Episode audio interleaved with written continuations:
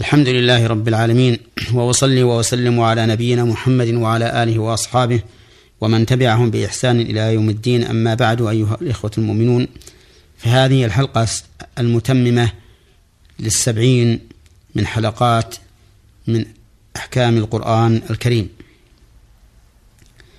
نتكلم فيها على ما تبقى من فوائد الآيات الكريمة التي ذكرها الله عز وجل في قصة ذبح البقرة لتعيين قاتل القتيل في بني إسرائيل.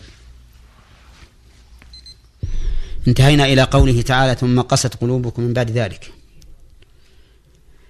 فمن فوائد هذه الآية الكريمة التحذير من قسوة القلب بعد ظهور الآيات لأن هذا أعظم شرا وأكبر إثما مما إذا لم يرى الإنسان من آيات الله ما تقوم به الحجة. ومن الأسف أن بعض الناس بعد ظهور الآيات لا يزداد إلا كبرا وعنادا. فتجد من آيات الله ما يظهر ظهورا بينا سواء كانت هذه الآيات من الأمور الفلكية أو الأرضية أو الواقعة بين الناس فإن كثيرا من الناس لا يهتم بهذا ولا يذكرها إلا إلا على سبيل أنها واقعة فقط. فعند الكسوف كسوف الشمس أو خسوف القمر لا نجد كثيرا من الناس يتأثر أو يقبل على المساجد ليفعل ما أمر به الرسول صلى الله عليه وسلم من الصلاة. وعند حصول الزلازل والفيضانات والعواصف الشديدة لا نجد كثيرا يهتم كثيرا لا نجد كثيرا من الناس يهتم بها ويقلق منها. ويخشى أن يصاب بمثلها. بل لا يذكرونها إلا على أنها حوادث وقعت وكأنها كما يقولون كوارث طبيعية لا يلتفت إليها. ونجد كثيرا من الناس تقع بينهم تقع بينهم الحروب والفتن واعتداء بعضهم على بعض بالقتل والنهب وانتهاك الحرمات ومع هذا لا يعدونها شيئا يذكر. بل يذكرونها على أنها حوادث تاريخية وليست من الآيات التحذيرية التي يحذر الله بها العباد. فتجدهم بعد أن تزول هذه الكوارث وهذه الحوادث العظيمة يرجعون إلى غيهم بل ربما يرجعون إلى أكبر من غيهم نسأل الله السلامة والواجب على المؤمن أن يتخذ من هذه الآيات عبرة وأن يرجع إلى الله رجوعا حقيقيا حتى لا ترجع هذه الحوادث والكوارث على وجه أكبر مما كانت عليه من قبل. ومن فوائد هذه الآيات الكريمة أن قلوب بني إسرائيل التي قست كانت كالحجارة بل أشد. ومن فوائدها أن من الحجارة ما هو خير من هذه القلوب فمنها ما يتفجر منه الأنهار ومنها ما يشقق فيخرج منه الماء ومنها ما يهبط من خشية الله. وقلوب هؤلاء القوم التي قست لا يأتي منها خير ولا دليل لحق. ومن فوائد هذه الآيات الكريمة عموم رقابة الله عز وجل وأنه على كل شيء رقيب.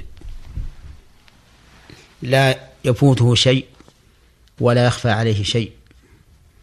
لقوله تعالى وما الله بغافل عما تعملون.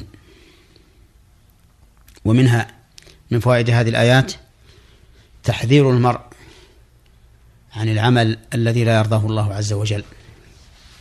لأنه مهما عمل فالله تعالى عالم به مطلع عليه رقيب عليه. ومن فوائد هذه الآيات الكريمات إثبات الوصف السلبي أي إثبات الصفات المنفية عن الله عز وجل يعني الإيمان بأن بأن الله موصوف بالإثبات وبالنفي. أما وصف الله بالإثبات فكثير جدا في القرآن الكريم والسنة النبوية. وأما وصف الله تعالى بالنفي فهو أقل من وصفه بالإثبات. ولم يذكر الله سبحانه وتعالى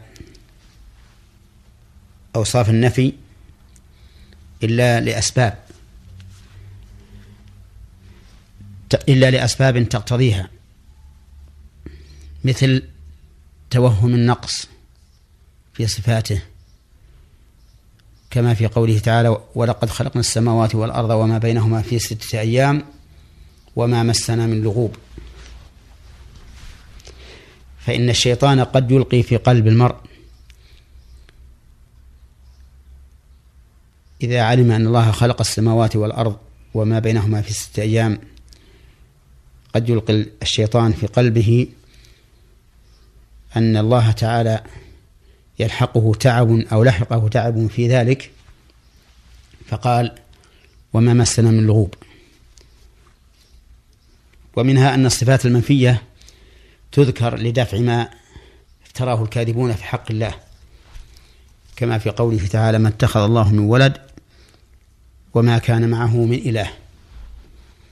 ومنها أن الصفات المنفية قد تذكر للتهديد للتهديد كما في هذه الآية وما الله بغافل عما تعملون.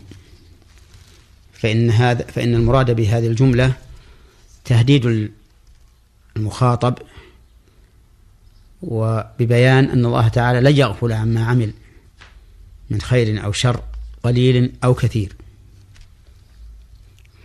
وقد ذكر أهل العلم أن ما وصف أن ما جاء من صفات النفي في حق الله عز وجل فليس بنفي محض بل هو نفي متضمن لإثبات. وهذا الإثبات هو كمال ضد المنفي. فمثلا يقال في قوله تعالى وما مسنا من لغوب المقصود بهذا النفي إثبات كمال قوته عز وجل وأنه لكمال قوته لم يمسه تعب ولا إعياء. ومثل قوله تعالى وما ربك بظلام للعبيد. يراد بنفي الظلم هنا عن الله إثبات كمال عدله وأنه لكمال عدله لا يقع في صفاته ظلم إطلاقا. وكذلك قوله تعالى ما اتخذ الله من ولد وما كان معه من إله يراد بذلك إثبات كمال غناه عن كل أحد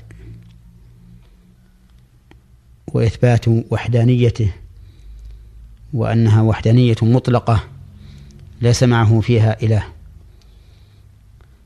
وعلى هذا فقس فكل ما جاء من صفات منفية عن الله فليس المراد بها مجرد النفي وإنما المراد بها إثبات كمال الضد مع نفي هذه الصفة المعينة التي جاء النفي عنها. ثم أعلم أن أهل السنة والجماعة وأعني بذلك سلف الأمة ومن تبعهم في هديهم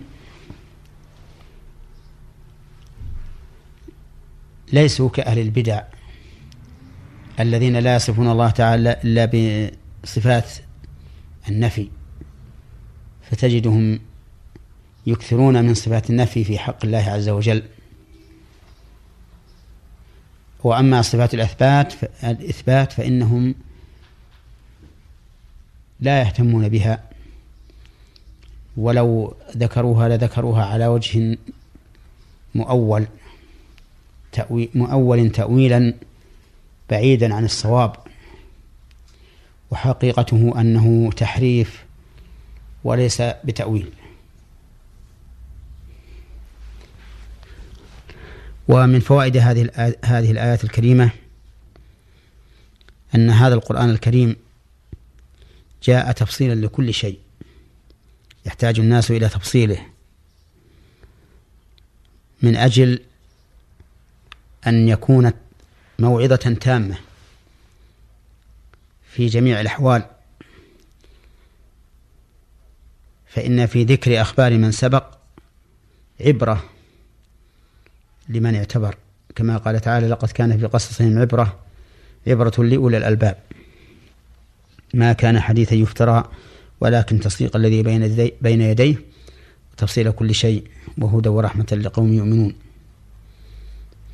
وإلى هنا ينتهي بنا القول في هذه الحلقة وإلى حلقة قادمة إن شاء الله. والسلام عليكم ورحمة الله وبركاته.